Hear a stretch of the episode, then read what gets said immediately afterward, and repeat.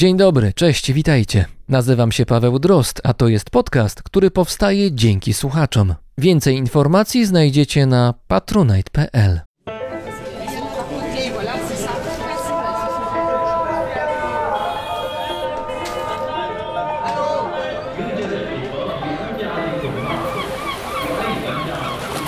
Brzmienie świata z lotu Drozda.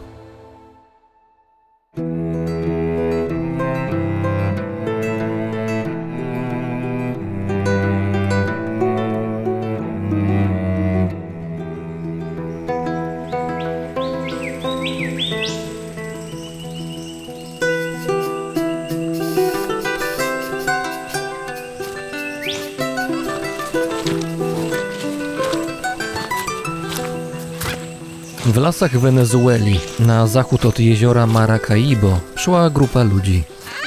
Ciała tych, którzy znajdowali się na czele kolumny, były bardziej odkryte niż zakryte skąpą odzieżą. Ich śladem podążali biali Europejczycy. Pot zalewał im twarze. Mokre ubrania przyklejały się do skóry. Każdy krok w tym zielonym piekle okupiony był niemal nadludzkim wysiłkiem. W środku kolumny szedł François Deloy, szwajcarski geolog, który przy pomocy maczety przedzierał się właśnie przez gęstą roślinność. Był rok 1920. Wenezuela świętowała. Okazało się bowiem, że tamtejsza ziemia kryje w sobie czarne złoto, które szybko rozpędziło miejscowy przemysł wydobywczy. Bogate złoża roponośne odnalezione w jeziorze Maracaibo sprawiły, że w Wenezuelczykach obudziła się nadzieja na dostatnią przyszłość. Inflację oczekiwań zasilali geolodzy. Zapewniali bowiem, że gdzieś tam, wśród trudno dostępnych gór i lasów, kolejne złoża ropy naftowej czekają na odkrycie. Ta właśnie myśl przyświecała François Deloyowi, gdy ze swoimi ludźmi ruszył na wenezuelsko-kolumbijskie pogranicze.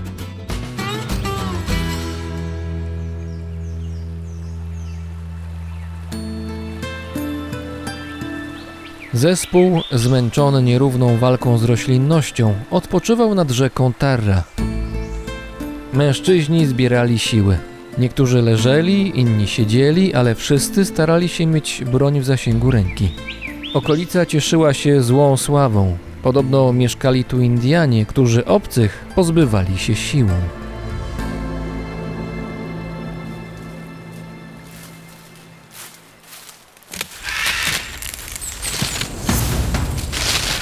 Wszyscy zerwali się na równe nogi i spojrzeli w stronę ściany lasu. Wyłoniły się stamtąd dwie postaci, a może dwa zwierzęta? To było trudno ocenić, ponieważ żaden z mężczyzn nie wiedział, z czym mają do czynienia. Naprzeciwko nich stały gorylopodobne stwory. Nie miały ogonów i stały wyprostowane na tylnych łapach. Każdy z nich trzymał w ręku solidną gałąź, którą unosząc nad głową wyraźnie groził obecnym na miejscu ludziom.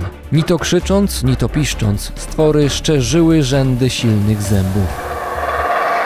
Zarówno Europejczycy, jak i wenezuelscy przewodnicy byli przerażeni. W osłupieniu patrzyli na niespodziewaną scenę, aż w końcu do głosu przyszedł rozsądek. Ich życie było w niebezpieczeństwie. Najbardziej przytomni podnieśli broń, wzięli na muszkę przeciwników i pociągnęli za spusty.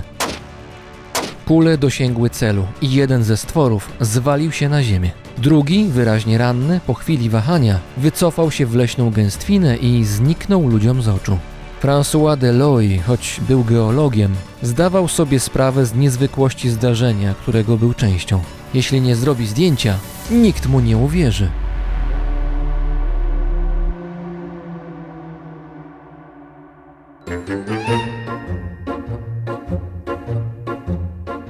Mają różne nazwy i kształty. Żyją w różnych częściach świata. Od Himalajów przez lasy równikowe Afryki czy Australię po słabo zaludnione części Europy i obu Ameryk. Łączy je jedno tajemnica. To kryptydy. Zwierzęta, które nie istnieją dla biologów, lecz dla wielu ludzi są czymś jak najbardziej realnym. Kryptydy mają być pozostałością po organizmach żyjących w zamierzchłych erach. Ostatnimi świadkami dalekiej historii Ziemi. Stąd przybierają nietypowe formy. W Europie typowym przykładem takiego zwierzęcia jest stwór z jeziora Loch Ness w Szkocji. Jezioro to jest bardzo głębokim, sięgającym ponad 200 metrów zbiornikiem wodnym, w którym mieszkać ma zwierzę wielkości wieloryba, przypominające dinozaura o małej głowie i długiej szyi. Rejon Loch Ness jest popularnym wśród turystów miejscem, od kiedy w latach 30. XX wieku miejscowe gazety opublikowały relacje świadków, którzy rzekomo widzieli potwora pływającego w jeziorze. Inną, nie mniej znaną kryptydą jest Yeti, ma zamieszkiwać górne partie Himalajów na pograniczu Tybetu i Nepalu. To duże zwierzę przypominające człekokształtną małpę poruszającą się na tylnych nogach. Czasem bliżej mu nawet do człowieka niż do małpy jako takiej. Yeti najczęściej opisywany jest jako stworzenie pokryte gęstym futrem. Mimo doniesień o odnalezieniu jego śladów, mimo wielu wypraw badawczych, z których jedną w 1960 roku poprowadził sam Edmund Hillary, do dzisiaj nikomu nie udało się udowodnić, że Yeti istnieje lub istniał. Zgodnie z jedną z teorii, opowieści o himalajskim stworze mogą być związane z niedźwiedziami tybetańskimi. Jest to bardzo rzadki gatunek, którego futro z pewnej odległości może wydawać się srebrno-białe. A tak zwykle przedstawiane jest tajemnicze himalajskie stworzenie.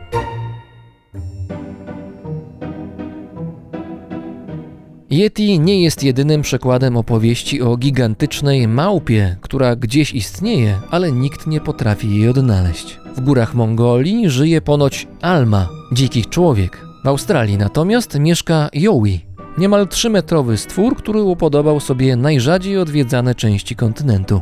Za to w Wenezueli napotkać można na inne, przypominające wielką małpę zwierzę. Tak przynajmniej twierdził François Deloy. Historia spotkania z dwoma takimi zwierzętami, którą przywołałem na początku tej opowieści, z grubsza pokrywa się z relacją tego szwajcarskiego geologa.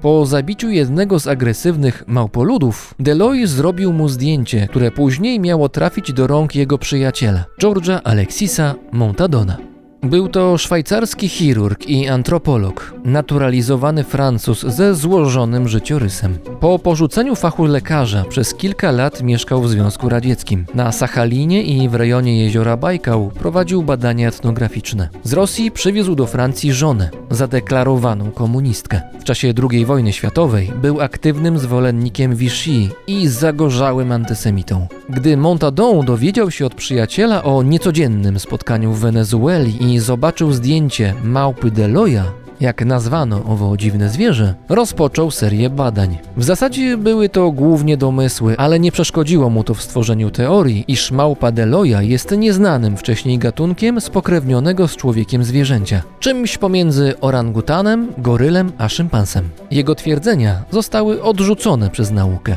Zdjęcie wykonane przez Deloya wielu uznało za sfałszowane, a widniejące na nim stworzenie najpewniej było upozowanym czepiakiem, nadrzewnym ssakiem naczelnym żyjącym w lasach Ameryki Łacińskiej.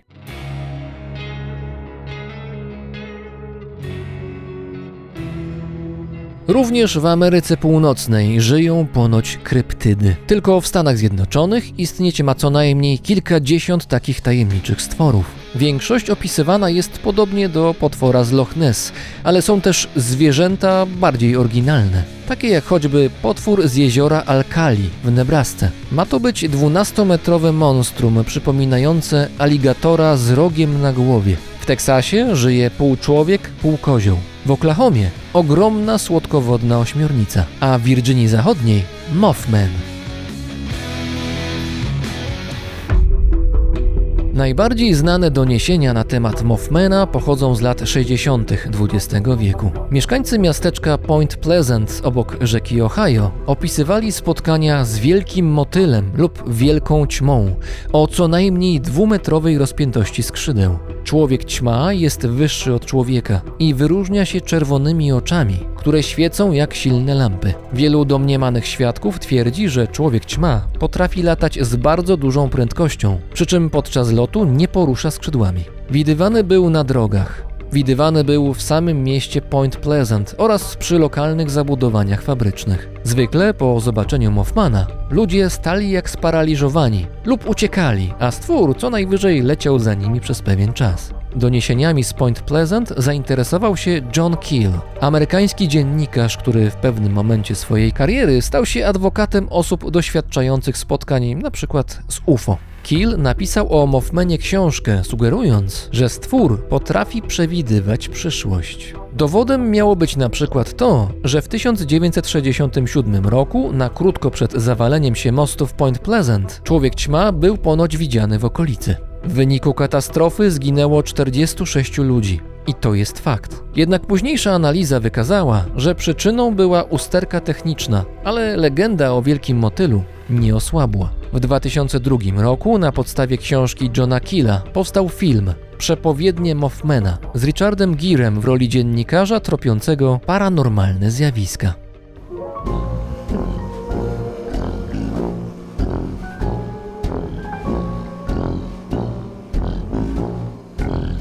Mothman znalazł stałe miejsce w amerykańskiej wyobraźni, jednak w USA nie jest numerem jeden. To miano nosi Sasquatch, Bigfoot, Wielka Stopa. Wielka Stopa ma być wielki. Mierzy do 3 metrów wysokości i zgodnie z powszechnym przekonaniem ma bardzo duży numer buta, chociaż butów nie nosi.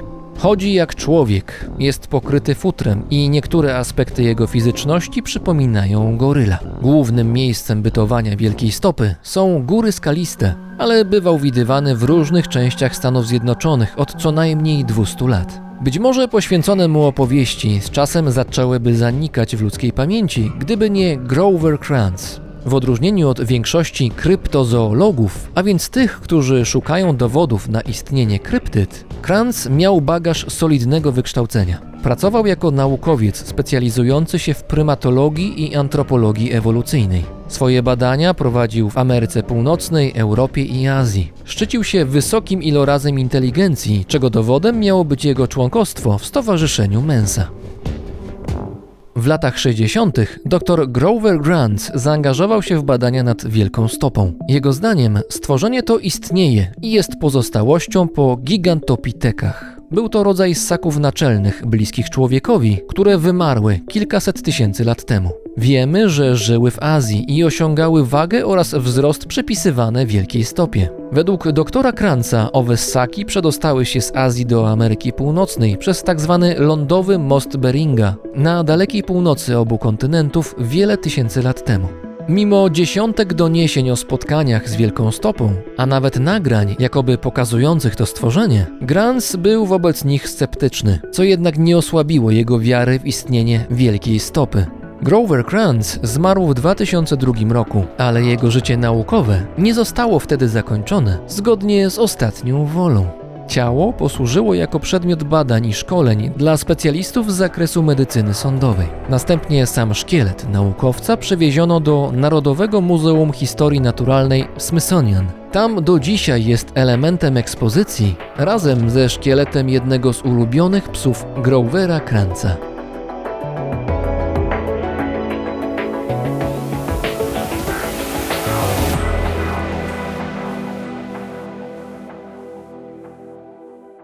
Mityczne zwierzęta przyciągały ludzi od zawsze, ale też zawsze interesowały nas zwierzęta jak najbardziej prawdziwe, które pochodziły z innych niż nasz zakątków globu, a przez to wyróżniały się wyglądem. To zainteresowanie było tak silne, że część tych światów zaczęliśmy przywozić do siebie, do domu. Co z tego wynikło? Posłuchajcie.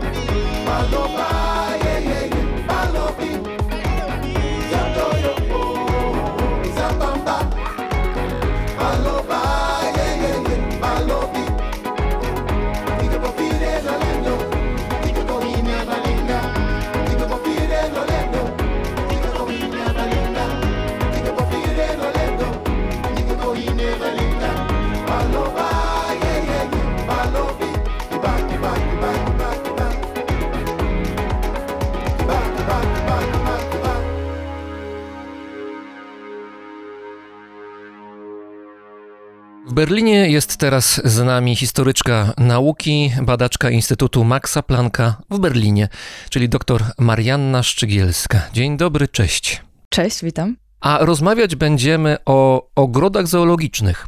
To ważne punkty na mapach wielu dużych miast, właściwie na całym świecie. Ogrody zoologiczne są ozdobą tych miast oraz celem wycieczek zarówno dzieci, jak i dorosłych.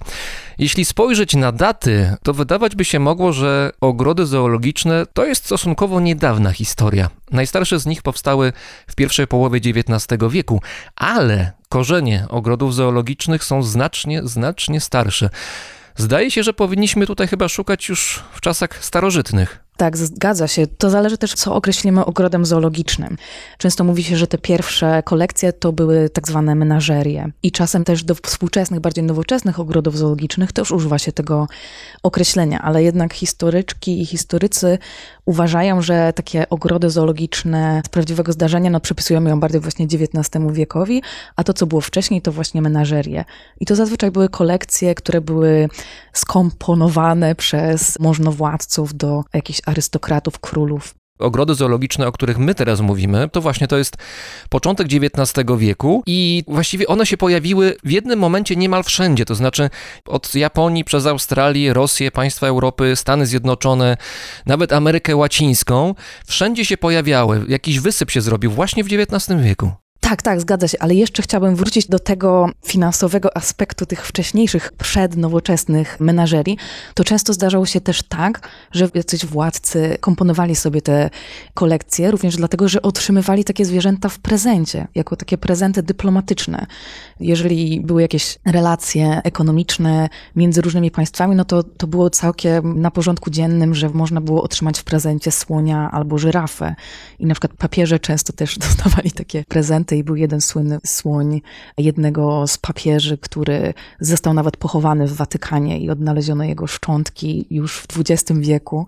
Są całe badania dotyczące rozwikłania tej zagadki Hanno, ulubionego słonia jednego z papieży, więc to były często takie dyplomatyczne podarki, które z czasem ich ilość powodowała, że trzeba było zorganizować i zatrudnić osoby, które zajmowały się by też e, karmieniem i doglądaniem tych zwierząt. A ten słoń w Watykanie to po ogrodach watykańskich sobie spacerował? Jak to wyglądało? To w ogóle ktoś badał, badał kwestię tego, gdzie ten słoń się znajdował? Bo zakładam, że w kaplicy sykstyńskiej raczej nie bywał. Biorąc pod uwagę architekturę tych budynków, to mógł czasem do różnych z nich jednak wejść, ale najprawdopodobniej przebywał w ogrodach. No ale też właśnie był takim przyjacielem papieża, można powiedzieć, przynajmniej z historycznych źródeł tak wynika. Więc bardzo ekscentryczna rozrywka. No i też właśnie to przekształcenie się tych menażerii w publiczne ogrody zoologiczne też wiązało się z takimi przekształceniami społeczeństw tego czasu, więc takie dwa pierwsze miejsca, no to mamy Tiergarten Schönbrunn w Wiedniu, który był taką cesarską menażerią, który otworzył swoje włości dla zwykłych ludzi w 1779 roku. A drugie miejsce, które jest uznawane za jeden z najstarszych ogrodów zoologicznych w Europie, to wersalska menażeria, która na początku francuskiej rewolucji przeniosła się do Jardin de Plan i to jest rok 1792, więc bardzo, bardzo początkowo. No a potem już w XIX wieku widzimy, tak jak to określiłeś, taki wysyp ogrodów zoologicznych, więc londyński ogród zoologiczny w Parku Regent to jest 1828 rok. I potem bardzo dużo innych właśnie miast europejskich pokusiło się o to, żeby też otworzyć takie miejsca, bo trochę zazdrościły na pewno Londynowi i londyńskiemu stowarzyszeniu zoologicznemu. W Amsterdamie, w Antwerpii, Marsylii, Berlin, Rotterdam i tak dalej. I te miejsca, to co je łączy, to jest ta połowa XIX wieku. Nie wiem, czy widzisz jakieś połączenia tych miast, które wymieniłam teraz? No to były miasta, które istniały w państwach, które całkiem dobrze sobie radziły z wykorzystywaniem kolonii swoich. No nawet Niemcy przecież mieli w XIX wieku, spóźnili się troszeczkę z podbojem kolonialnym, ale dosyć szybko nadrobili, przynajmniej w XIX wieku. I parę kolonii mieli i czerpali tam szerokimi garściami. Może o to chodzi? Tak, tak, zdecydowanie. Więc to były potęgi kolonialne, czyli te podboje kolonialne sprawiały, że nie tylko przypływały statkami różne przyprawy korzenne, guma czy kość słoniowa, ale również żywe zwierzęta, chociaż nie zawsze przetrwały tą podróż. No ale druga rzecz to właśnie to, że to często są miasta portowe. Ten transport zwierząt był ułatwiony, więc łatwo było je od razu ulokować w jakimś ogrodzie zoologicznym.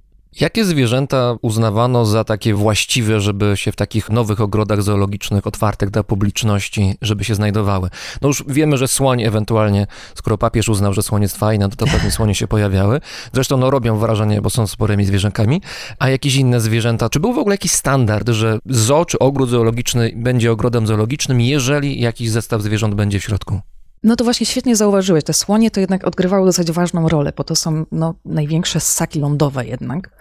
I to już było znane od dawna, więc one są takie potężne. W studiach zoologicznych mówi się o charyzmatycznej megafaunie, ale to jest współczesne określenie oczywiście, więc charyzmatyczna megafauna to jest coś dużego i coś, co ma taką charyzmę w sobie. Więc słoń zdecydowanie, no ale też dużym powodzeniem cieszyły się na przykład żyrafy, oczywiście lwy, jako pozostałość po tych menażeriach nadal, taki symbol władzy królewskiej, lew jako król dżungli, prawda? Ale też zwierzęta takie jak nosorożec, które były uznawane za trochę dziwne zwierzęta. Chodziło o zwierzęta, które byłyby duże, robiące wrażenie, były egzotyczne, były czymś innym dla Europejczyków zwiedzających te ogrody zoologiczne, ale czasem też takim kryterium było na przykład rzadkość. Jeżeli to zwierzę było bardzo niespotykane, no to też przyciągało tłumy. Albo po prostu dziwność, więc na przykład manaty, kiedy pierwszy raz były wystawiane na publiczny widok w Ameryce Północnej albo w Europie, to też robiło ogromne wrażenie. No i też trzeba było skonstruować dla nich takie ogromne baseny. A to już w tamtych czasach coś takiego istniało? To znaczy to wymagało całkiem sporego wysiłku inżynieryjnego. Tak, tak, i logistycznego, jeżeli spojrzymy też na to, żeby w ogóle te zwierzęta przewieźć. To jeszcze powiedzmy, czy jeżeli ktoś nie wie, bo może są tacy słuchacze, którzy nie wiedzą, czym są manaty, bo to trzeba sobie wyobrazić. Manaty to są takie ogromne ssaki wodne. Przez długi czas odkrywcy czasem myśleli, że to są syreny, bo one mają taki kształt trochę właśnie syreni i wyglądają dosyć widowiskowo, można by powiedzieć, ale no swoje życie spędzają w wodzie, są przystosowane do życia wodnego. I te ogromne manaty, syreny, to żeby je wystawić na widok publiczny, to jest ogromne przedsięwzięcie, naprawdę. Ale te pierwsze balie no, były rzeczywiście zrobione z drewna, ludzie przychodzili je oglądać. Te zwierzęta, one są bardzo pokojowo nastawione, ale niestety na pewno były ogromnie zestresowane tą sytuacją. Zanim zwierzęta takie jak manaty, żyrafy, słonie, lwy i co tam jeszcze trafiały do zoo, na przykład w Londynie, czy w Berlinie, czy gdziekolwiek, no to ktoś je musiał tam dostarczyć. To nie jest tak, że wychodzę, strzelam do zwierzęcia, jestem odważnym myśliwym i załatwione. Nie, ja właśnie mam to zwierzę upolować, ale jednak w jednym kawałku żywe dostarczyć przez ileś tam tysięcy kilometrów do Europy, żeby potem dostać odpowiednią garzę za to, że wykonałem robotę.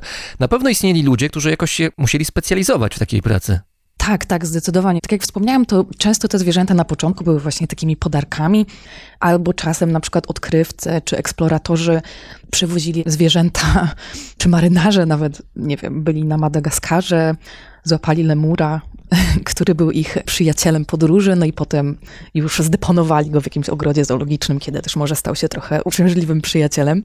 Więc tak często się też zdarzało, no ale tak jak wspomniałeś, rzeczywiście wkrótce stał się bardzo ważny biznes.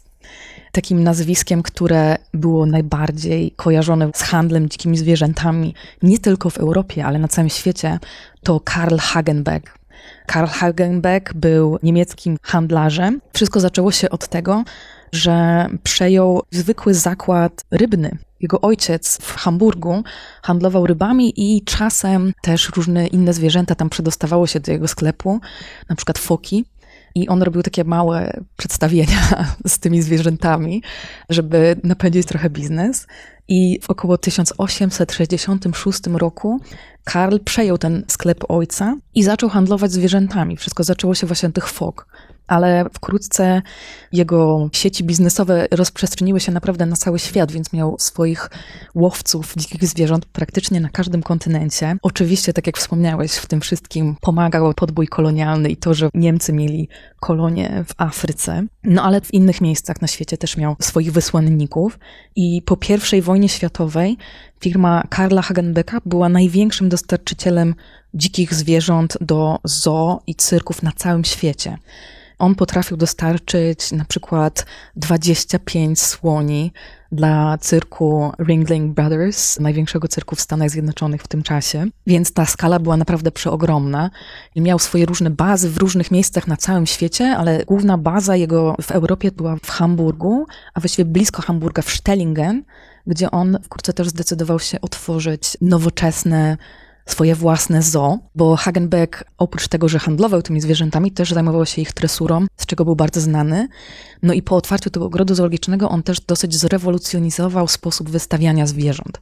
Więc takie wystawy zwierząt, do których teraz już jesteśmy przyzwyczajeni, taka tak zwana panorama, czyli jeżeli idziesz do ogrodu zoologicznego i widzisz taki krajobraz, gdzie na różnych miejscach są różne zwierzęta ustawione z różnych gatunków. Nie, że są tylko pojedyncze klatki i tutaj masz lwy, jelenie, słonie w oddzielnych klatkach, tylko odtworzenie bardziej naturalnego środowiska danej okolicy geograficznej, czyli na przykład sawanna. Jakiś jest kontekst dla tych zwierząt, prawda? To znaczy one istnieją w jakimś mikrośrodowisku, które ma udawać środowisko naturalne. Tak, to jest wszystko oczywiście imitacja, no nie? Bo jeżeli patrzysz i widzisz widok takiej sawanny afrykańskiej i masz różne zwierzęta ustawione tak jakby na rzut twojego oka, ale żeby to osiągnąć, żeby tą taką iluzję naturalności osiągnąć, to Hagenbeck zastosował takie dosyć innowacyjne, technologiczne rozwiązania wystawiennicze, czyli na przykład były ukryte z punktu widzenia osoby zwiedzającej płoty, różne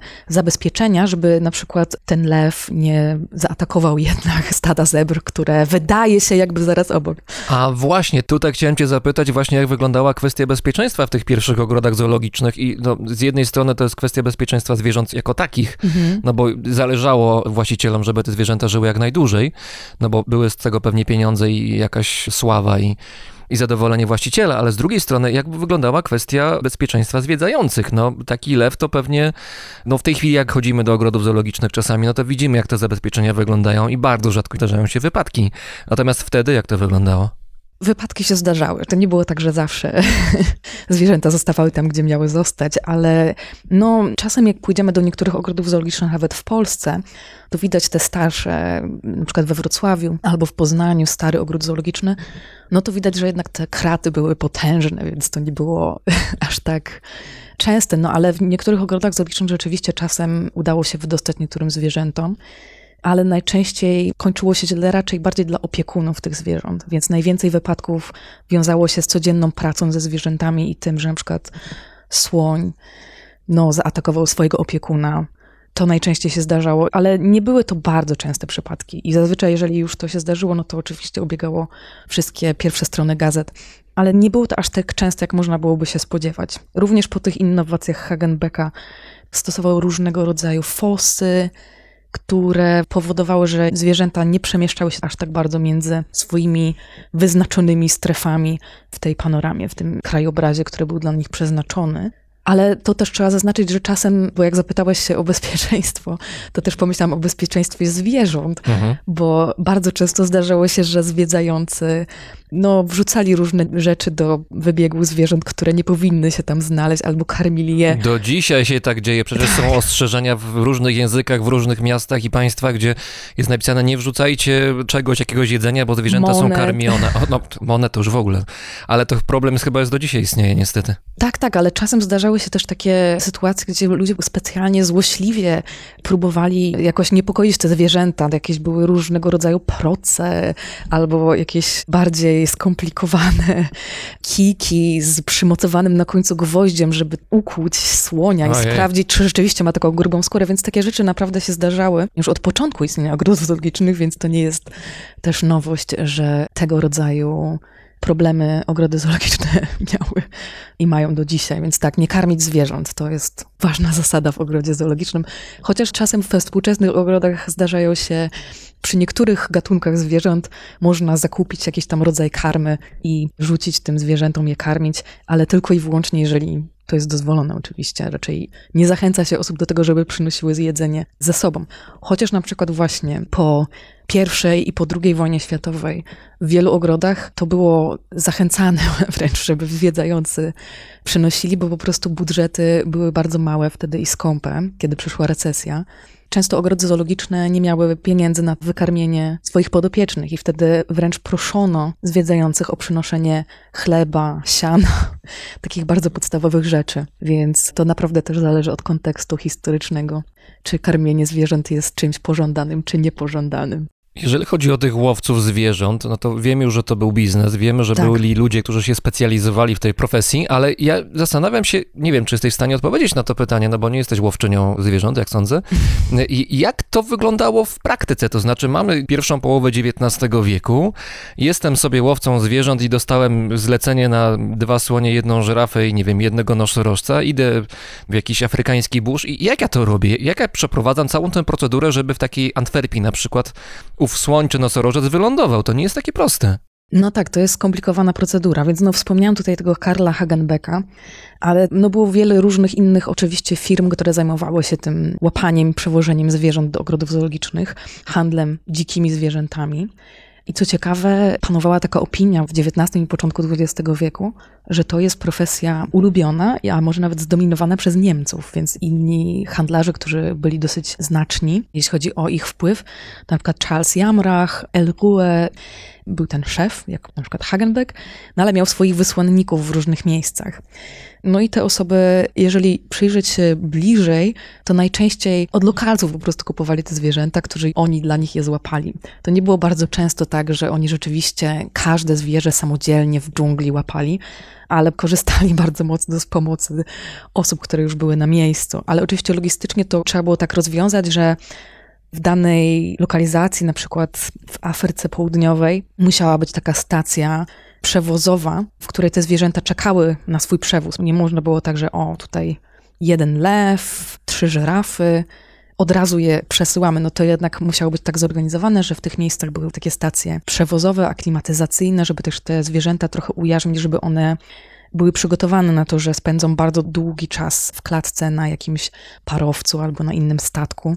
I to też było bardzo ważne. Niestety to zależy właśnie od gatunku zwierzęcia, o którym mówimy. W przypadku wielu, wielu zwierząt, szczególnie takich dużych i takich, które mogą być niebezpieczne dla człowieka, to pozyskanie takiego okazu wiązało się z zabiciem matki i zabraniem jej dzieci. Na przykład jeśli chodzi o słonie, goryle, to właściwie był jedyny sposób pozyskiwania okazów, bo takiego goryla dorosłego nie, nie, byliby w stanie łowcy złapać. Więc małpy człogokształtne, duże zwierzęta to bardzo często po prostu właśnie wiązało się z tym, że to był koszt życia matki tego zwierzęcia, żeby ono w ogóle było złapane i przetransportowane potem do takiego ogrodu zoologicznego. Więc dosyć krwawy koszt do tego, żebyśmy mogli je potem oglądać w tych ogrodach zoologicznych. Jedną z osób, która na pewno się wybija i może nawet w Polsce ktoś mógł słyszeć o słynnym łowcy dzikich zwierząt do ogrodów zoologicznych, to jest takie nazwisko Frank Buck. Był Amerykaninem, który na początku XX wieku zajmował się łapaniem okazów do ogrodów zoologicznych. Jego historia jest dosyć ciekawa, bo zaczęło się od tego, według jego własnej biografii, że wygrał w pokera znaczną sumę pieniędzy i postanowił wybrać się do Brazylii. I to właśnie sprawiło, że zaczął parać się tym łapaniem zwierząt i sprzedawaniem, przewożeniem ich potem do Stanów Zjednoczonych i do tamtejszych ogrodów. I w pierwszej dekadzie XX wieku on przywiózł ponad 100 tysięcy okazów. Ile? 100 tysięcy okazów. W pierwszej dekadzie, czyli 1910. 10 lat. Ale to znaczy on jakoś sypiał w ogóle? Bo mam wrażenie, że ciągle tylko przewoził zwierzęta przy takiej liczbie. To jest właśnie ten problem z takimi osobowościami, które są bardzo medialne, ale tak naprawdę no, miał bardzo dużo współpracowników, które pomagały mu te zwierzęta łapać i przewozić. To po prostu jest dobra sieć biznesowa, dobry model biznesowy. I takim miejscem na przykład na początku XX wieku, do którego bardzo dużo osób zjeżdżało, które chciały przywieźć jakieś okazy do ogrodów, to był Singapur, nadal jeszcze kolonia, ale wyglądało to tak, że te targi w Singapurze miały po prostu mnóstwo klatek i osób, które tam, tam już przyjeżdżały na taki targ i kupowały już dawno złapane zwierzęta przez osoby, które robiły to lokalnie. Tak to bywa, ale Frank Buck było na pewno dużo pieniędzy w tym biznesie, więc na przykład nosorożec indyjski którego Frank Buck przywiózł dla zoo w St. Louis w 1934 roku. Jak myślisz, ile mógł kosztować w tamtym czasie? W dolarach. Jako znany handlarz zwierząt, e, zastanawiam się w dolarach. W tamtych czasach, no to dolar troszkę inaczej był przeliczany. No nie wiem, 5 tysięcy dolarów? Podwój to. 10 tysięcy dolarów. Okej, okay. no to to jest spora kwota, pewnie razy, nie wiem, razy 20 albo 30 trzeba policzyć na dzisiaj. Tak, tak, tak. To była oczywiście spora kwota, bo to też był okaz bardzo rzadki. To było zamówienie z St. Louis, to był ogromny wydatek dla ogrodu zoologicznego, ale Frank Buck oczywiście przedstawił to w taki sposób, że no on praktycznie prawie że za darmo że to są tylko jego koszty związane z całą ekspedycją, a tak naprawdę samo zwierzę już było praktycznie za darmo dla tego ogrodu zoologicznego. Dla porównania małpki rezusy kosztowały około 20 dolarów. No to duża różnica.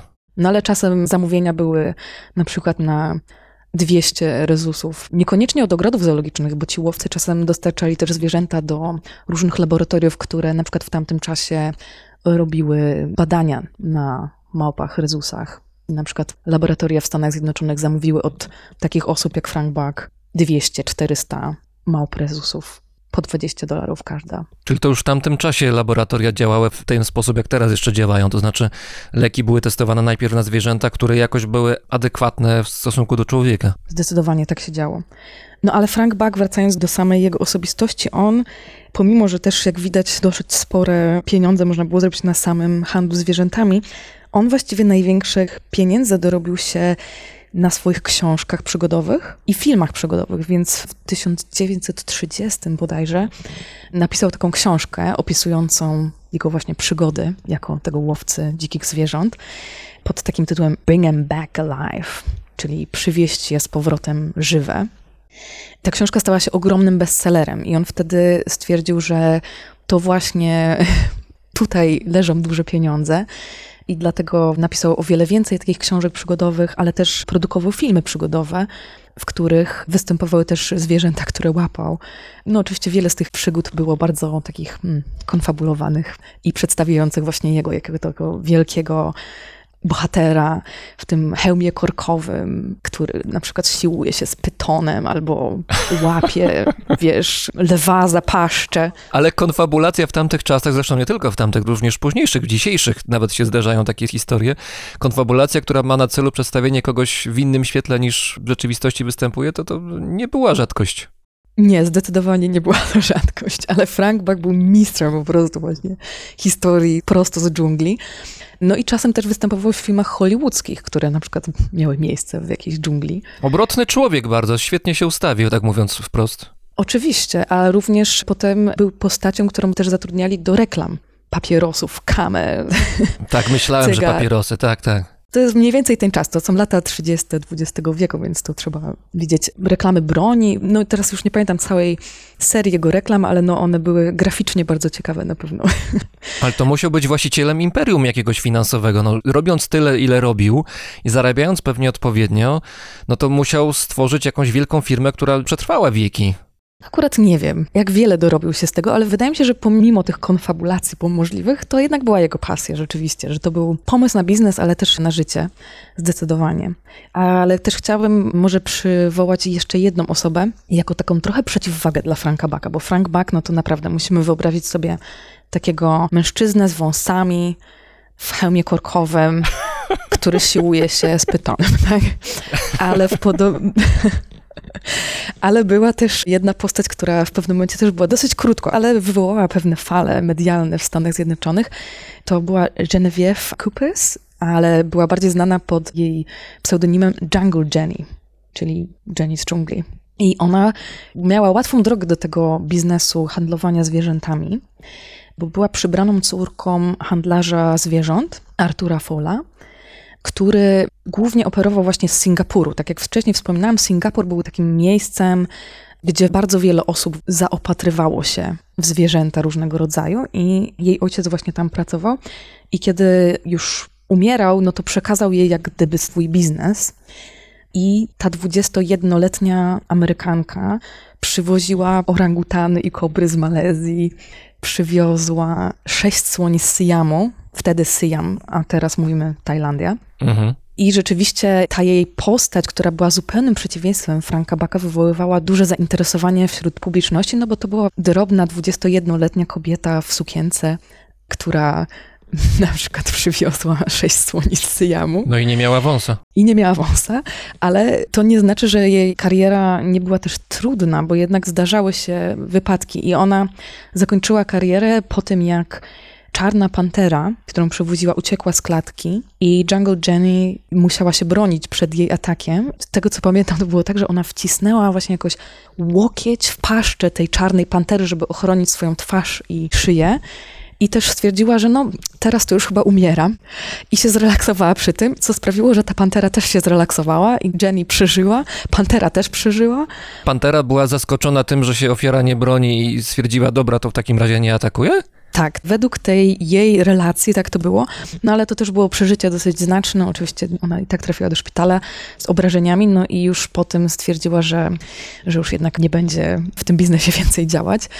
Ale wydaje mi się, że to też jest dosyć znaczne, bo Jungle Jenny już zaczęła karierę po II wojnie światowej i to jest też taki czas, gdzie właśnie trochę rzeczy się zmienia w ogrodach zoologicznych również. Po pierwsze właśnie mamy coraz więcej kobiet, które są na stanowisku dyrektorek ogrodów zoologicznych, co wcześniej praktycznie nie zdarzało się. I jest też taka trochę zmiana, zmiana nastawienia i ta cała otoczka też była trochę inna. No właśnie ten Frank Buck jako taki męski poskramiacz dzikich zwierząt.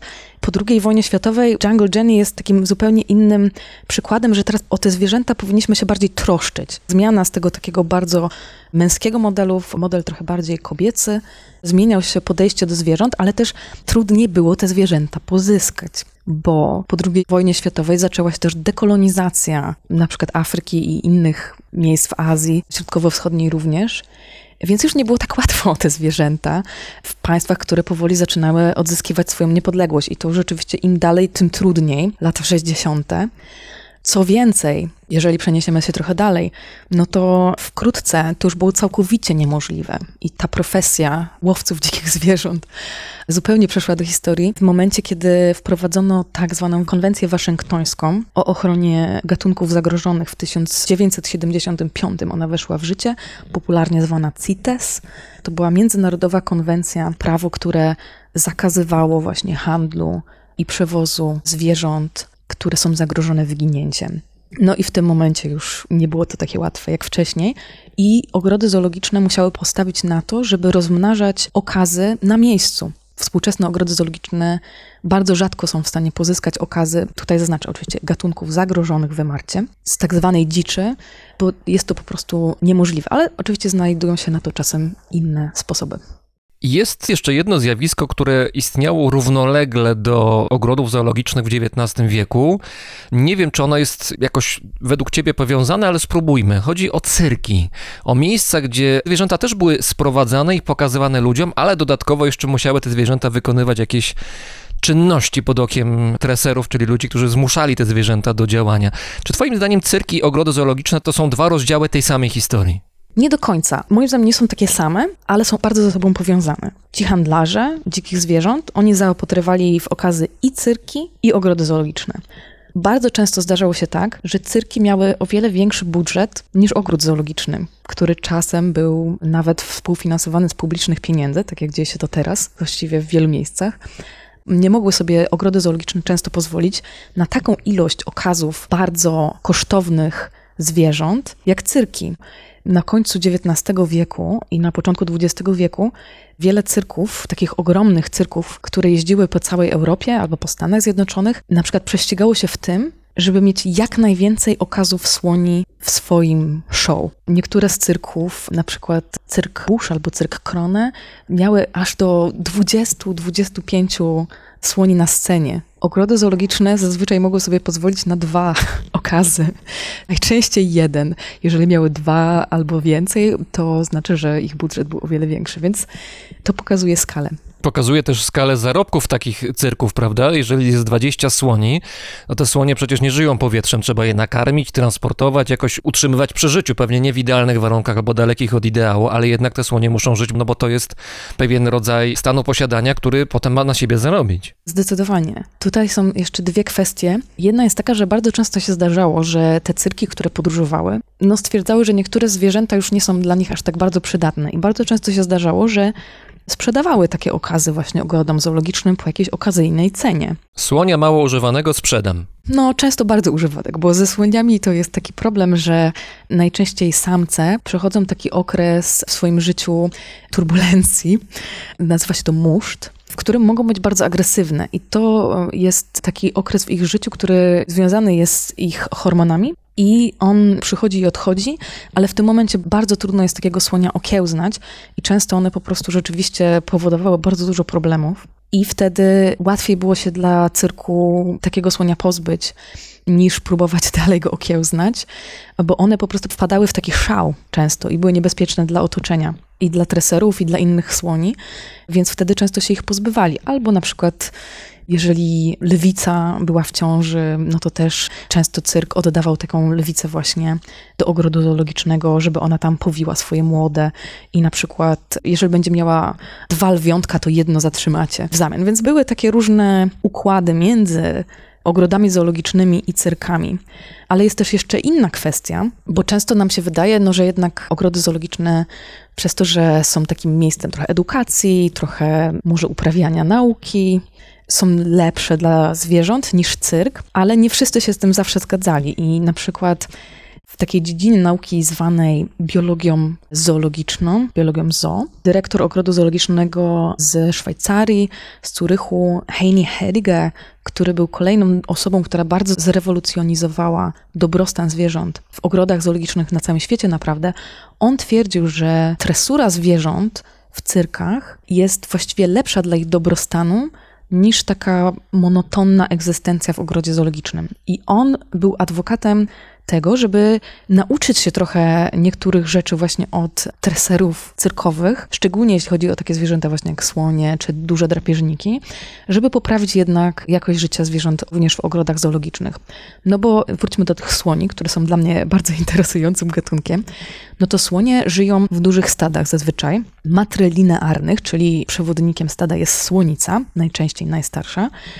I one mają bardzo rozbudowany system społeczny i są bardzo, bardzo społecznymi zwierzętami, które potrzebują tego kontaktu z innymi słoniami i są bardzo rodzinne również. A w momencie, kiedy mamy słonie, które są w ogrodzie zoologicznym, jest to jeden samotny słoń, albo może ewentualnie dwa, no to ich życie jest naprawdę bardzo smutne.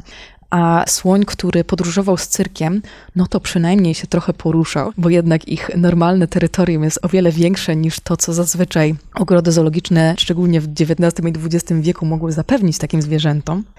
No i też te sztuczki, chociaż może one nie zawsze były najlepszego rodzaju, no zapewniały jakiś rodzaj zajęcia. Nawet Hediger czasem określał niektóre rodzaje tresury jako taką terapię, która pomagała tym zwierzętom właściwie przeżyć niewolę. No bo czy zwierzę jest zwierzęciem cyrkowym, czy zoologicznym, no to jest to zwierzę w niewoli. Ale trzeba też pamiętać o tym, że przecież tresura, szczególnie pewnie w XIX wieku czy na początku XX wieku, nie była działalnością delikatną. Użycie siły myślę, że było czymś standardowym, więc te zwierzęta też tam jakoś różowego życia nie miały w tych cyrkach. Tak, tak, no to zależy od gatunku, więc jeżeli chodzi o drapieżniki, to najczęściej podstawą tresury było nagradzanie.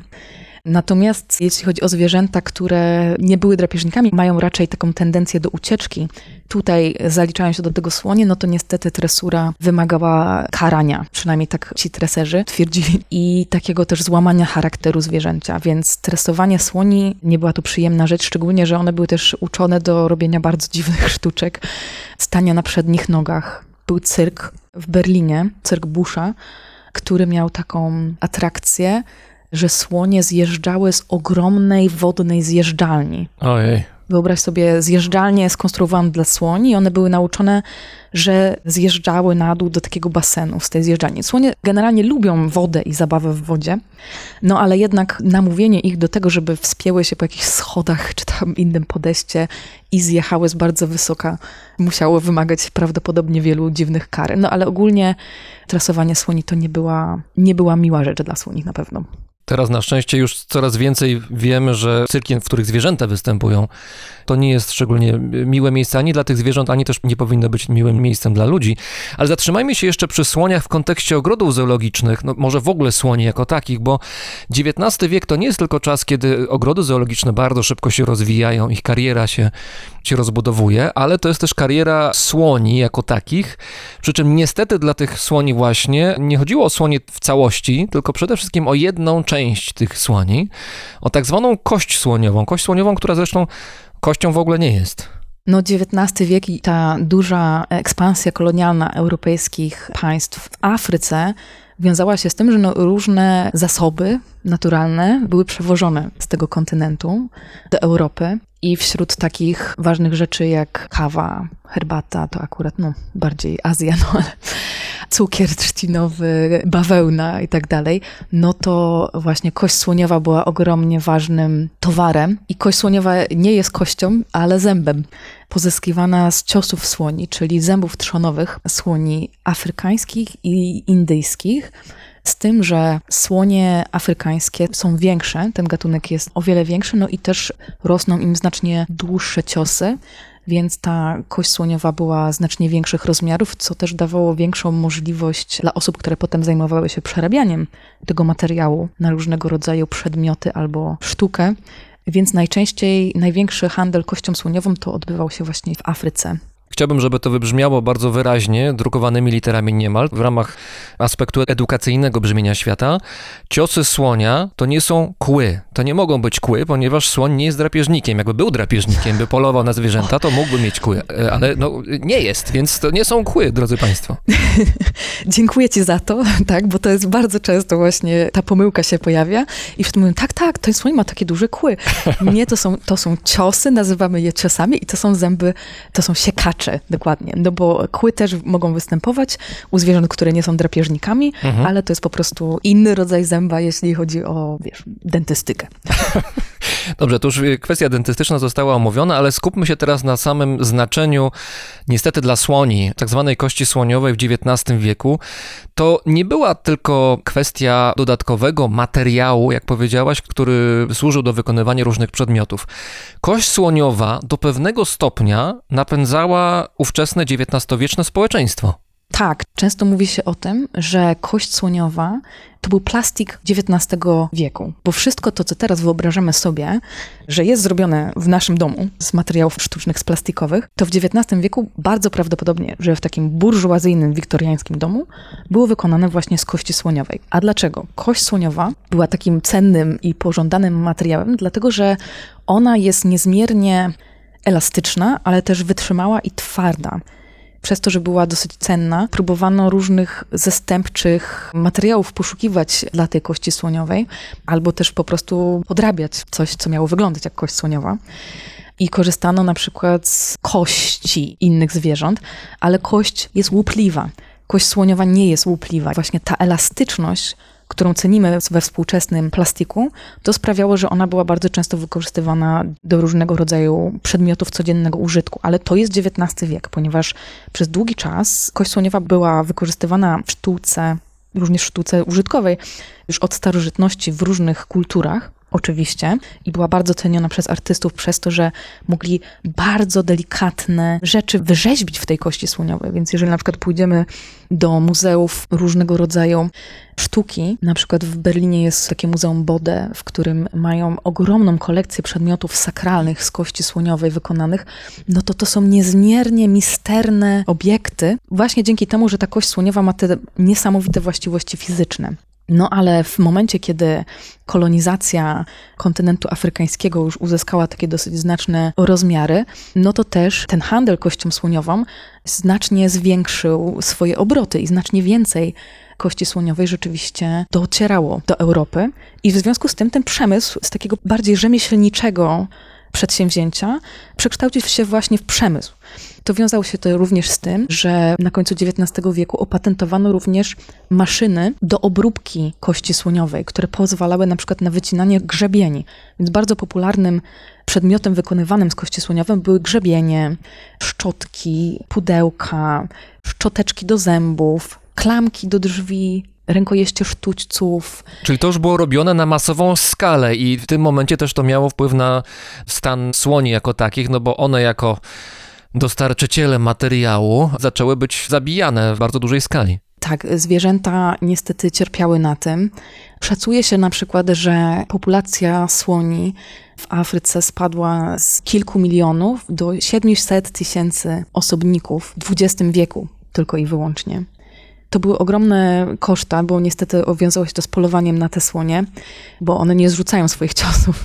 Ciosy słoni afrykańskich mają nawet do 3 metrów długości i mogą ważyć 90 kg, więc to jest ogromny materiał. No i już w XIX wieku pojawiały się głosy, które były przeciwne właśnie temu wykorzystywaniu kości słoniowej na tak masową skalę, tylko żebyśmy mieli te zwykłe przedmioty. To ciekawe, co mówisz, to już wtedy się taka refleksja pojawiła? Tak, zdecydowanie już wtedy bardzo dużo było głosów, które opowiadały się za tym, żeby te słonie jednak uratować od tego nieprzyjemnego losu. Ludzie jednak empatyzowali już wtedy z tymi zwierzętami. Ale formalnie zakaz handlu kością słoniową to dopiero 1989 rok. Znowu na mocy konwencji waszyngtońskiej, o której wspominałam wcześniej, która zakazuje handlu dzikimi zwierzętami.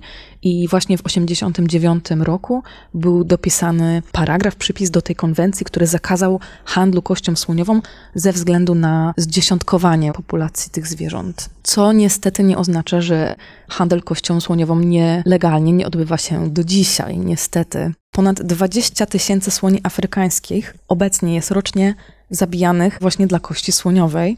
I tylko w 2015 roku skonfiskowano ponad 40 ton kości słoniowej.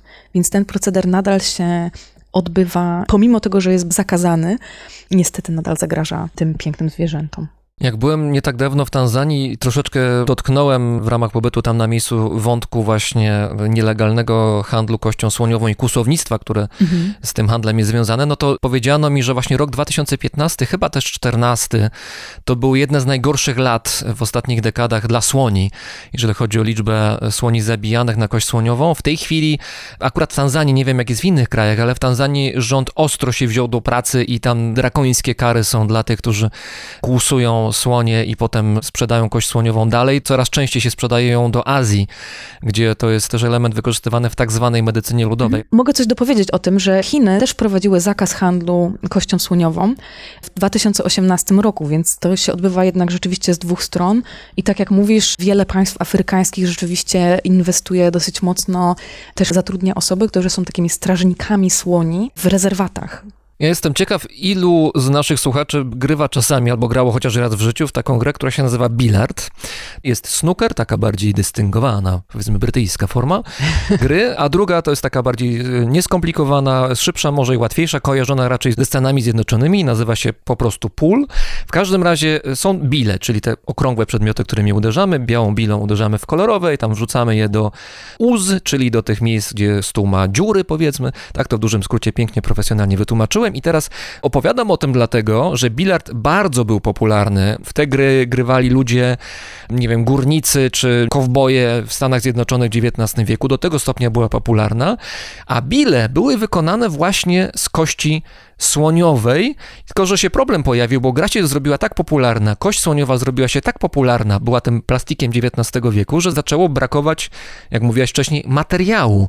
I trzeba było stworzyć coś nowego, jakiś zastępnik, żeby bilard dalej się mógł rozwijać, żeby właściciele lokali, gdzie stoły bilardowe stały, dalej mogli zarabiać, a ludzie mogli spędzać mile czas odbijając sobie te kulki. No i można powiedzieć, że kość słoniowa doprowadziła do y, rewolucji. W pewnym sensie dzięki kości słoniowej mamy plastik. No nie chciałabym tutaj też kości słoniowej obarczać winą za problemy, które wynikają z tego, że może mamy tego plastiku teraz trochę za dużo. Ale rzeczywiście historia sięga tego momentu i kule bilardowe odgrywają ogromną rolę w tym, że współczesne plastiki są też na masową skalę produkowane. Dopowiem do tego, co opowiedziałeś nam o kulach bilardowych, może to, że tutaj istotnym faktem jest to, że kule bilardowe wytwarzano z najdroższej części ciosu, bo cios też był wyceniany na podstawie różnych parametrów fizycznych, ale każda część ciosu, w zależności gdzie się znajduje, czy bliżej nasady, czy też ta końcówka, miała inną wartość. I kule bilardowe, ze względu na to, że powinny być idealną kulą, sferą, były wykonywane z tej końcówki, która była najdroższa, najtwardsza, która też miała część szkliwa.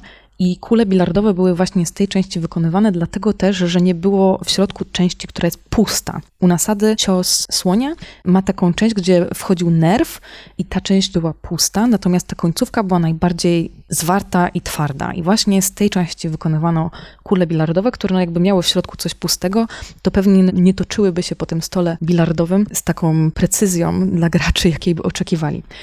No i ta cena bardzo duża cena kości słoniowej spowodowała, że zanim jeszcze kość słoniowa stała się rzadkością albo nie była przywożona w takich dużych ilościach, to już wtedy ci, którzy wytwarzali kule bilardowe, zorganizowali konkurs na to, żeby wynalazcy zajęli się jakimś materiałem zastępczym dla kości słoniowej do wytwarzania właśnie kul bilardowych.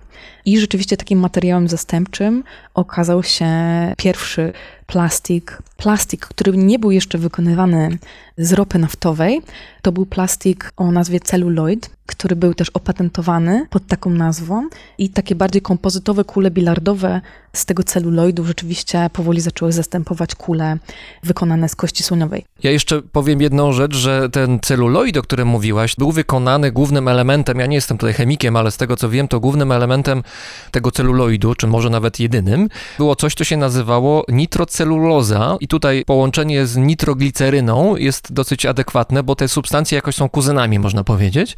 I tutaj ważna rzecz, początkowo substancja, z której robiono nowe sztuczne kule bilardowe, no miała sporo zalet, ale miała też parę wad. Mianowicie miała tendencję do tego, żeby te kule miały tendencję, żeby w pewnych okolicznościach wybuchać. To nie były wybuchy jakieś takie skomplikowane i wielkie i że niszczyły budynki i stoły bilardowe, ale jednakowoż wybuchały. I tutaj myślę, że znasz tę historię. Historia zachodniej części Stanów Zjednoczonych, gdzie grali sobie gracze i jedna z bil właśnie wybuchła z tych nowych bil i co prawda nie zrobiła jakichś e, wielkich szkód, ale spowodowała, że jeden człowiek zginął w dziwnych okolicznościach. skutočnostiach. Tej konkretnej śmierci nie mogę sobie przywołać teraz, ale zdecydowanie tak, historia wybuchających kul bilardowych obiegła prasę w Stanach Zjednoczonych i była dużą, dużą sensacją. Ale o tej ofierze kuli bilardowej to jeszcze nie czytałam, ale to koniecznie muszę sprawdzić. To ja już mówię, jak to wyglądało. Według doniesień prasowych, bo to też w prasie się rozpisywali ludzie na ten temat, też wtedy prasa świetnie sobie radziła z newsami, żeby zainteresować czytelników. sensacjami.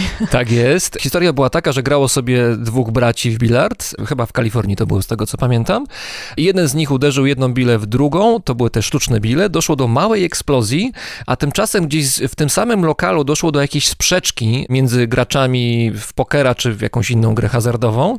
Jeden z graczy wyciągnął broń, grożąc pozostałym graczom, których oskarżał o oszustwo i w momencie, kiedy eksplozja nastąpiła w wyniku uderzenia Bill, on się przestraszył, nacisnął spust i zabił jednego z graczy w bilard właśnie. Zupełnie przypadkiem, więc można powiedzieć, że bilard ma na koncie jedną ofiarę, co najmniej jedną ofiarę śmiertelną. Tak, nitrogliceryna była używana w pierwszych takich formułach. Nitroceluloza, nitroceluloza, bo nitrogliceryna to by ludzie padali jak muchy. Nitroceluloza, tak. Ale też używano oleju kamforowego do wytworzenia tej substancji i wiele osób na takie celuloidowe plastiki też narzekała właśnie ze względu na zapach. Aha. Taki zapach kamforowy, który się rozprzestrzeniał. Właściwie nawet celuloid był używany jeszcze niedawno w niektórych produktach i słuchacze, którzy jeszcze pamiętają niektóre jakieś takie zabawki z PRL-u, z celuloidu, one rzeczywiście jak się je potarło, to miały taki zapach kamforowy i to jest właśnie ten, ten rodzaj plastiku. No i ważna rzecz, celuloid też spowodował, że się kino rozwinęło współczesne, bo gdyby nie celuloid i taśma celuloidowa filmowa, to nie mielibyśmy kina, można powiedzieć. Zgadza się, to jest pozytywna rzecz, ale też ten przemysł wytwarzania materiałów sztucznych, które zaczęły powoli wypierać kość słoniową właśnie w produkcji tych przedmiotów, o których mówiłam wcześniej, takich jak grzebienie, szczotki i tak dalej, on się zaczynał rozwijać na, na masową skalę. No i jednak plastiki miały tą przewagę nad kością słoniową, że były tańsze, łatwiej można było je ujednolicić, no bo jednak kość słoniowa jest naturalnym materiałem, więc żeby uzyskać jednorodny wygląd każdej szczotki albo grzebienia, no to trzeba było się trochę namęczyć. Natomiast plastik powodował to, że jednak było to łatwiejsze. Chociaż te pierwsze plastiki bardzo chciały imitować kość słoniową, żeby też trochę pozyskać taki egzotyczny efekt tego, że to jest nadal coś, co zawdzięczamy słoniom. Do tego stopnia, że pomimo tego, że można by było wyprodukować te pierwsze celuloidy, pierwsze plastiki właśnie w dowolnej gamie kolorystycznej, dodając jakiekolwiek barwniki do formuły, no to one jednak przez długi czas pozostawały przy takiej gamie kremowych, jasnych kolorów, które miały imitować kość słoniową, a co więcej, nawet wykonywano specjalny rodzaj tak zwanej paryskiej kości słoniowej, która była materiałem sztucznym, która imitowała linie, jasne i ciemne linie, które zazwyczaj są widoczne na przekroju ciosu, kości słoniowej właśnie ciosu, które są wynikiem tego, jak ten cios rośnie u słonia. I zadawali sobie taki trud, żeby odtworzyć te linie i ten taki charakterystyczny wzór również w produktach plastikowych, żeby one jak najbardziej przypominały tą kość słoniową. No już później od tego odeszli producenci i teraz mamy plastik w każdym kolorze, który można sobie prawdopodobnie wyobrazić. Plastik, którego kiedyś brakowało w XIX wieku i był hitem, teraz zaczyna być problemem, bo mamy go za dużo i nie wiemy za bardzo, co z nim zrobić, żeby go tyle nie było. I wróćmy jeszcze do samych ogrodów zoologicznych, bo od tego zaczęliśmy, to jest główna część naszej rozmowy. One dalej istnieją, mają się całkiem dobrze, wydaje mi się. No, w Berlinie na przykład, prawda, w którym mieszkasz, ogrody zoologiczne, tam chyba są dwa, prawda? Dwa ogrody. ważna część krajobrazu miejskiego, ale no, jednak mamy już tę świadomość, daleko posuniętą refleksję, że zwierzęta, dobrostan zwierząt to jest coś ważnego, więc też ogrody zoologiczne muszą na to reagować, one się zmieniają. Z jednej strony muszą odejść jakoś może od tego kolonialnego wizerunku, przekonania, że to jest miejsce, gdzie są klatki, a w klatkach siedzą zwierzęta, ale z drugiej strony też ogrody zoologiczne chcą jakoś istnieć, no i może jakoś ich jeszcze potrzebujemy. Jak to z twojej perspektywy badaczki to wygląda? W jakim kierunku te ogrody zmierzają, te współczesne? Są na pewno różne podejścia do tego i wiele ogrodów zoologicznych no to są dosyć dobrze prosperujące przedsiębiorstwa. Szczególnie w Stanach Zjednoczonych myślę, że wiele miejsc się wyspecjalizowało w tym, że proponują taki rodzaj rozrywki dla współczesnego odbiorcy, ale tak jak mówisz, jest też duży ruch, żeby te ogrody jeszcze zreformować. Moja perspektywa historyczna jest taka, że prawdopodobnie od początku powstania ogrodów zoologicznych one już chciały się jakoś zreformować. Więc te pierwsze ogrody z XIX wieku, twórcy tych ogrodów mieli taką często potrzebę odróżnienia się od menażerii prywatnych albo od cyrków, które były bardziej określane jako taka rozrywka dla niższych klas. Potem była reforma właśnie związana z tym, że zwierzęta powinny być w lepszych warunkach utrzymywane. Więc wydaje mi się, że odejście na przykład od idei więzienia dla zwierząt, że, że to nie jest więzienie, ale raczej to jest instytucja, która zajmuje się ochroną zagrożonych gatunków, że jest trochę taką arką Noego, która pozwala nam utrzymać populacje zwierząt, które są zagrożone wyginięciem w ich naturalnych środowiskach, do tego, żeby w razie czego je reintrodukować do tego środowiska. No oczywiście tu jest trochę problematyczne, bo nie ma aż tak dużo przykładów współcześnie udanych reintrodukcji zwierząt z ogrodów zoologicznych. Są niektóre, na przykład koń Przewalskiego jest jednym z takich koronnych przykładów, które ogrody zoologiczne się posługują, żeby pokazać, że są w stanie zachować zwierzęta i potem je oddać naturze z powrotem, albo żubry. A nie wydaje ci, że ogrody zoologiczne wykorzystują to trochę jako alibi? No bo mimo, że słonie na przykład y, są gatunkiem, który nie ma lekkiego życia w tej chwili i powolutku, powolutku te afrykańskie na przykład populacje słoni są odbudowywane w niektórych krajach, dalej problem jest, jak powiedzieliśmy, ale no, wydaje się, że idziemy w kierunku dobrego, a jednakowoż te słonie są na przykład w ogrodach zoologicznych bardzo często. Żyrafy nie są gatunkiem zagrożonym z tego, co ja wiem, a jednak w ogrodach są. Z wami może już nie jest tak dobrze, ale też chyba nie jest lew zagrożonym gatunkiem generalnie, jak mi się wydaje. No widzisz, no, mam takie wrażenie, że jednak ogrody zoologiczne trochę grają tą kartą, że no tutaj my tu edukację szerzymy, staramy się chronić, robimy badania, ale może to jest właśnie, jak powiedziałem, alibi. No masz tutaj trochę racji, no bo jednak nie wszystkie zwierzęta, które są wystawiane w ogrodach zoologicznych, to są zwierzęta, które są gatunkami zagrożonymi, więc to nie są rzeczywiście takie arki Noego. A poza tym drugi argument mógłby być taki, że jeżeli to by były rzeczywiście takie miejsca, które miałyby jak najlepiej zachować te zwierzęta, to czy to, że zwiedzający przychodzą do ogrodów zoologicznych może być dla tych zwierząt jakimś negatywnym skutkiem, więc może powinny być takie miejsca, po prostu jakieś takie rezerwaty, gdzie te zwierzęta powinny być, albo po prostu dlaczego ich nie zachowywać w tych miejscach, w ich naturalnych habitatach. Ale tutaj problem trochę polega na tym, jeśli chodzi o praktykę, z mojego punktu widzenia, że właśnie od tego czasu, kiedy już zwierzęta nie były wyłapywane z ich naturalnego środowiska, żeby trafić do ogrodów zoologicznych, Wszystkie zwierzęta, które są w ogrodach zoologicznych na całym świecie, które są akredytowane w dużych organizacjach zrzeszających te ogrody zoologiczne, dany gatunek jest traktowany jako jedna populacja. Więc ogrody zoologiczne czasem się wymieniają zwierzętami, żeby reprodukować je, rozmnażać je po prostu na miejscu, tak żeby zachować jak największą różnorodność genetyczną tych zwierząt. No ale to też oznacza, że wiele zwierząt, które teraz oglądamy w ogrodach zoologicznych, no one są już bardzo daleko od ich pradziadków i babć, które były rzeczywiście wyłapane z naturalnego środowiska, więc one już są po prostu chowane w warunkach niewoli od bardzo dawna i nie byłoby to takim łatwym, żeby teraz na przykład stwierdzilibyśmy, no ogrody zoologiczne to jest jednak nic dobrego dla zwierząt, zlikwidujmy je. Ale co zrobimy z tymi wszystkimi zwierzętami, których jest naprawdę dużo? Nie możemy ich po prostu zwrócić ich naturalnemu środowisku z wielu przyczyn. Często tego naturalnego środowiska może już nie być nawet. Jest zabrane przez rolnictwo intensywne, gospodarkę i tak dalej zawsze musimy myśleć o tym, że, że ochrona naturalnych habitatów zwierząt jest niezmiernie ważna, w ochronie gatunków również, no ale też po prostu to są zwierzęta, które już takie nie do końca dzikie są. Więc wydaje mi się, że ta transformacja i to nowe spojrzenie na ogrody zoologiczne musi trochę pójść w stronę takiej, mm, można powiedzieć, rehabilitacji zwierząt. Plus wydaje mi się, że ogrody zoologiczne nadal mają taką dużą bazę wiedzy, która może rzeczywiście okazać się niezmiernie przydatna, jeśli chodzi o pomoc zwierzętom, które nadal trafiają w ręce osób, które chcą po prostu mieć na przykład lewa, albo panterę, albo pumę i potem są odbierane takim osobom. Tutaj mamy wiele przykładów, nawet z Polski, prawda, była historia tych tygrysów, które tak, zostały tak. zatrzymane na polsko-białoruskiej granicy, które miały trafić do jakichś prywatnych osób, do prywatnych też może ogrodów zoologicznych, które nie są akredytowane i był ogromny problem co zrobić z tymi zwierzętami, gdzie je wysłać, jakie ogrody w ogóle mają możliwości, żeby przyjąć takie zwierzęta. Więc takie zwierzęta, które są z prywatnych hodowli, one nie mogą być włączone w pulę zwierząt, które mogą być rozmnażane w ogrodach zoologicznych akredytowanych, bo nie wiadomo, nie wiadomo jak były hodowane. I z tego też powodu one są takimi trochę pariasami, ale równocześnie co powinniśmy z nimi zrobić? No trzeba im zapewnić jakieś miejsce bytowania. I wydaje mi się, że tutaj ogrody zoologiczne, jakie takie miejsce właśnie trochę rehabilitacji, przyjęcia tych zwierząt, które są porzucone albo przejęte z nielegalnych miejsc obrotu, nadal handlu dzikimi zwierzętami, ogrody zoologiczne mogłyby się trochę przekształcić w takie miejsca, ale to oczywiście by wymagało też na przykład wygaszenia rozmnażania zwierząt na miejscu.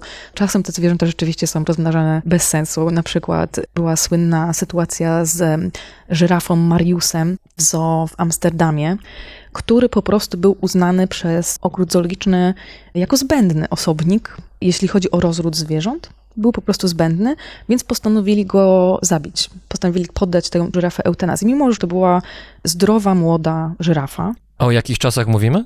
To się zdarzyło całkiem niedawno. Nie pamiętam teraz w którym roku, ale jakieś może 8 lat temu. Mm. Była duża dyskusja na ten temat w prasie międzynarodowej, czy to jest etyczne i moralne, żeby rzeczywiście takiego zdrowego osobnika zabić. Zo mówiło, że tak, ponieważ jest genetycznie nieprzydatny do puli rozrodczu i mają po prostu za dużo żyraf. Inne ogrody zoologiczne nawet oferowały, że przyjmą tego osobnika, żeby go tylko zachować, ale niestety on rzeczywiście był zabity i potem też był wykorzystany do tego, żeby zrobić taką trochę lekcję anatomii doktora Tulpa, czyli młodzież szkolna była zaproszona do anatomicznego rozebrania tej żyrafy, a jego ciało też było wykorzystane do tego, żeby nakarmić drapieżne zwierzęta w tym zoo. Mm. To przedziwna historia. To są takie kontrowersyjne sprawy, które sprawiają, że może rzeczywiście tą reprodukcję zwierząt na miejscu powinniśmy bardziej przemyśleć i bardziej zastanowić się nad tym, jakie funkcje we współczesnym mieście ogród zoologiczny mógłby spełniać. Czy rzeczywiście mógł być takim miejscem ochrony niektórych zwierząt, które są z różnych względów niepożądane. I tutaj dla mnie takim dobrym przykładem jest ogród zoologiczny w Poznaniu, który w ostatnich latach właśnie bardzo dużo przyczynił się do tego, żeby trochę zacząć zmieniać wizerunek ogrodu zoologicznego i żeby trochę też zmienić jego formułę na takie właśnie miejsce, taki schron dla zwierząt, bardziej niż rozrywka. Jeden z najstarszych ogrodów zoologicznych na świecie, prawda? Ten poznański. No można tak powiedzieć, nie jest najstarszy na pewno, ale w naszej części Europy jest jednym ze starszych, chociaż tutaj historia tego, kiedy uznamy, że tak naprawdę ten ogród został założony, jest dosyć znaczna. On się zaczął od takiego żartu. Pewien kręglarz z Poznania dostał w prezencie kilka zwierząt. Jego przyjaciele po prostu podarowali mu różnego rodzaju zwierzęta na jego urodziny i to był początek ogrodu zoologicznego w Poznaniu, więc ten początek to nie był taki jeszcze ogród z prawdziwego zdarzenia. To prawda, była tam małpa i niedźwiedź. Ale jak się E. przynosi takie prezenty na imieniny albo na urodziny? 100 lat, 100 lat, 100 lat masz niedźwiedzia, proszę bardzo. Małpa. Teraz jest możliwość, na przykład można komuś sprezentować zwierzę z ogrodu zoologicznego na urodziny, albo po prostu sponsorując to zwierzę. Tak, tak, można tak, tak, zostać inna sponsorem formuła. danego zwierzęta, inna formuła. No w każdym razie tak, ogród zoologiczny jest jednym ze starszych, ale to, co rzeczywiście dyrektor tego ogrodu zoologicznego Ewa Zgrabczyńska teraz robi, to wydaje mi się jest dosyć znaczne. Na przykład w starym zoo są lisy, które były, a właściwie pieśce, które były pozyskane przez Stowarzyszenie Otwarte Klatki od miejsca, w którym po prostu hoduje się te zwierzęta na futra. I to są właściwie tacy uciekinierzy z fermy, którzy znaleźli swoje właśnie schronienie w ogrodzie zoologicznym. I wydaje mi się, że to jest też świetny przekaz dla szczególnie młodych ludzi i dzieciaków, które chodzą do ogrodów zoologicznych, że może niekoniecznie musimy iść do ogrodu zoologicznego, żeby zobaczyć tego słonia i żyrafę, które są takie bardzo egzotyczne, ale fajnie by było, żeby zmieniły się trochę w takie miejsca, gdzie trochę więcej dowiemy się na temat zwierząt i przyrody, która nas otacza, że trochę więcej zainteresujemy się tym, jaki jest los dzików w mieście albo wiewiórek, innych, innych zwierząt, które rzeczywiście są nam bliższe i trochę więcej dowiemy się, jak możemy wchodzić z nimi w interakcję albo ich unikać wręcz. Tutaj dziki, powinniśmy ich raczej unikać niż wchodzić z nimi w interakcję. Ale masz rację, jest coś takiego rzeczywiście, że podejrzewam, że przeciętny dziecko lat 10 w Polsce może potencjalnie mieć ograniczoną, ale jednak większą wiedzę na temat życia słoni niż na przykład takiego dzika, bo o słoniach to wie więcej, no bo tu jeden film y, tu drugi, tu program dokumentalny, tu pójdzie do zoo właśnie i słonia zobaczy. Coś wydaje się, że na temat słonia wie, a o dziku może nie wiedzieć nic. No właśnie, więc wydaje mi się, że to jest też taka szansa trochę na taką powolną reformę ogrodu zoologicznego w stronę bliższą użytkownikom, ale też zwierzętom, które miałyby zapewniony lepszy dobrostan dzięki temu również, mam nadzieję. Tak ja wyobrażałabym sobie przyszłość ogrodów zoologicznych, takie zatroszczenie się właśnie o te niechciane zwierzęta. No ale właśnie to, że ogród zoologiczny ma ten know-how, ma osoby, które są wyspecjalizowane w opiece nad egzotycznymi zwierzętami również, no to może być rzeczywiście atut. Właśnie w takich momentach, kiedy na granicy polsko-białoruskiej masz 10 tygrysów. Jak chciałbym zobaczyć minę celników, którzy znaleźli te zwierzęta, to mogło być ciekawe. Tak swoją drogą to o tym, jak daleko się ogrody zoologiczne zmieniły w stosunku do swoich pierwowzorów, to może świadczyć fakt, że jeszcze w latach 50. w warszawskim zoo było coś, co było taką półpodziemną areną, w której publiczność mogła oglądać pokazy tresury lwów. Lata 50. XX wieku, więc wcale nie tak dawno. Tak, tak, w ogóle zwierzęta w mieście to jest niesamowicie ciekawy temat, bo w Berlinie był tak zwany bear pit. W ogóle w europejskich miastach bardzo często były takie doły, gdzie trzymano niedźwiedzie, które często były też zwierzęciem herbowym różnych miast. I w Berlinie, ponieważ symbolem Berlina jest niedźwiedź, też rzeczywiście był taki bear pit. Ostatni niedźwiedź tam był trzymany do naprawdę na niedawnego czasu. To jest taka wybetonowana dziura w ziemi, w którym po prostu te zwierzęta mogą być z góry oglądane. To też miało zapewnić jakieś bezpieczeństwo dla tych oglądających ludzi.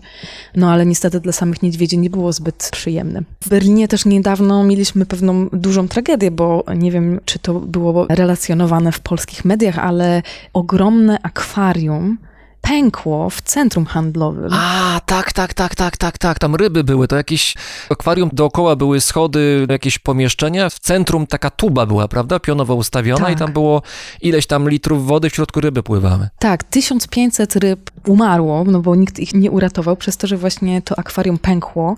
To było jedno z większych akwariów ze słoną wodą na świecie i ono było ulokowane w ogóle w centrum handlowym. Było mi przykro, że nie było za dużej dyskusji na temat tego, czy rzeczywiście powinniśmy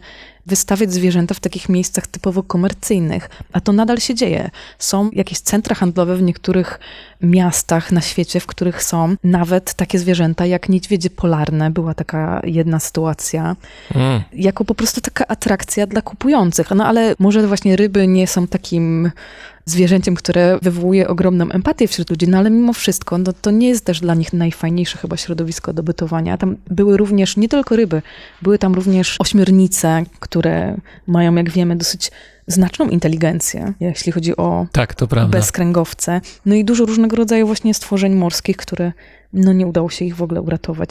No strasznie przykra rzecz, no ale to pokazuje, że w tkance miejskiej nie tylko w ogrodzie zoologicznym możemy zobaczyć zwierzęta dzikie na pokaz wystawione, tylko również w innych miejscach, może których nie spodziewalibyśmy się, że tam spotkamy jakieś dzikie zwierzęta.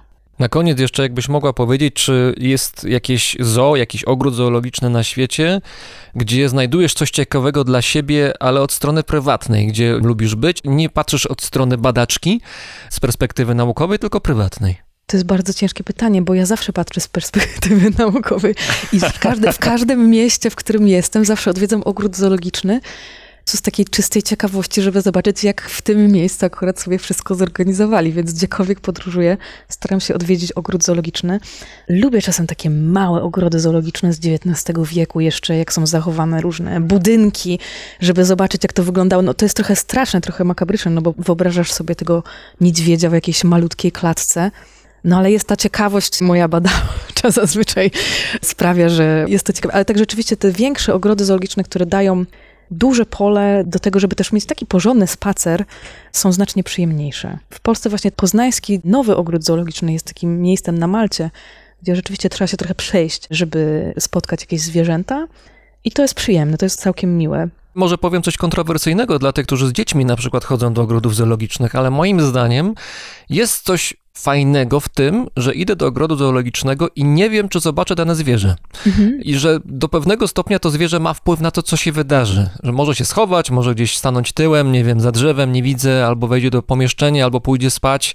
Mam takie wrażenie, że mimo, że może nas spotkać rozczarowanie, że nie widzieliśmy tego, nie wiem, mrówkojada czy jakiegoś innego zwierzaka, no to nam przypomina, że to jest jakoś jednak życie, a w życiu bywa różnie. Tak, że to jest żywe stworzenie, które może nie chce być pod 24-godzinną obserwacją ze strony zwiedzających. Tak, to wydaje mi się, że to jest taki prosty szacunek też dla tych zwierząt, żeby też zapewnić im takie wybiegi, żeby one miały terytorium zbliżone do takiego, jakie mają w naturalnym środowisku i właśnie możliwość schowania się, żeby nie zawsze jednak trzeba było zobaczyć to zwierzę i popukać w szybę z plexiglasu.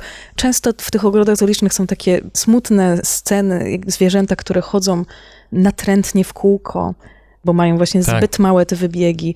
Jednak małpy czokokształtne w ogrodach zoologicznych rozdzierają mi trochę serce. Są zawsze takie smutne. No, czasem niektóre osoby stwierdzają, masz świetny temat badawczy, ogrody zoologiczne, taki przyjemny i miły, ale to nie do końca zawsze tak jest. czasem są smutne historie, ale nadal wierzę, że rzeczywiście możemy wymyślić trochę inną formułę na to, żeby spotkać się z tymi zwierzętami w różnych miejscach, a czasem po prostu nie spotkać się. Czasem po prostu może wybrać to, że lepiej swojemu dziecku pokazać dobry film przyrodniczy, który pokaże różne aspekty życia zwierzęcia, z którego więcej się może dowie niż właśnie pukanie w szybę w ogrodzie zoologicznym, żeby małpka odwróciła się w naszą stronę. Razem z nami w Berlinie była historyczka nauki, badaczka Instytutu Maxa Plancka w Berlinie, dr Marianna Szczygielska. Bardzo Ci dziękuję. Dziękuję bardzo.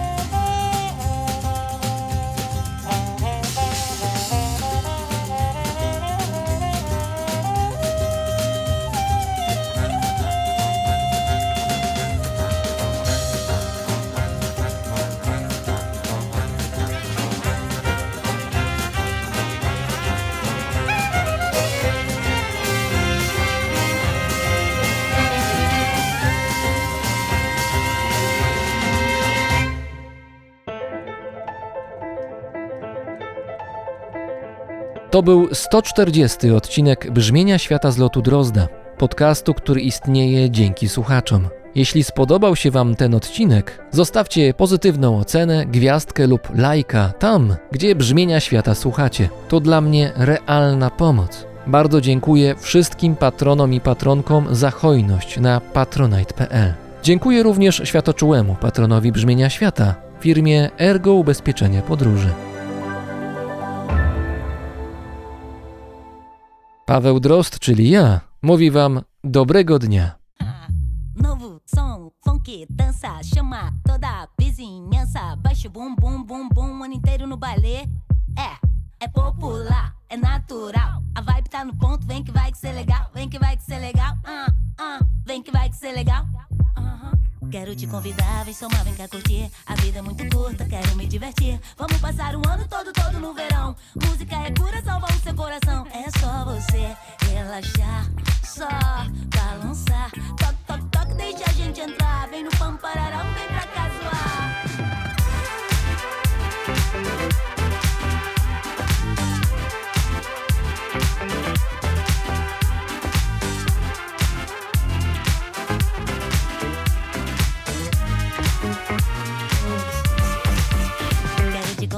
essa noite pra sair. A lua é toda nossa, vem cá se divertir. Quero passar o ano todo, todo no verão. Música é pura, salva o seu coração. É só você relaxar, só balançar. Top, top, top, deixa a gente entrar. Vem no pampararão, vem pra casuar. Vem aqui com a gente, ó.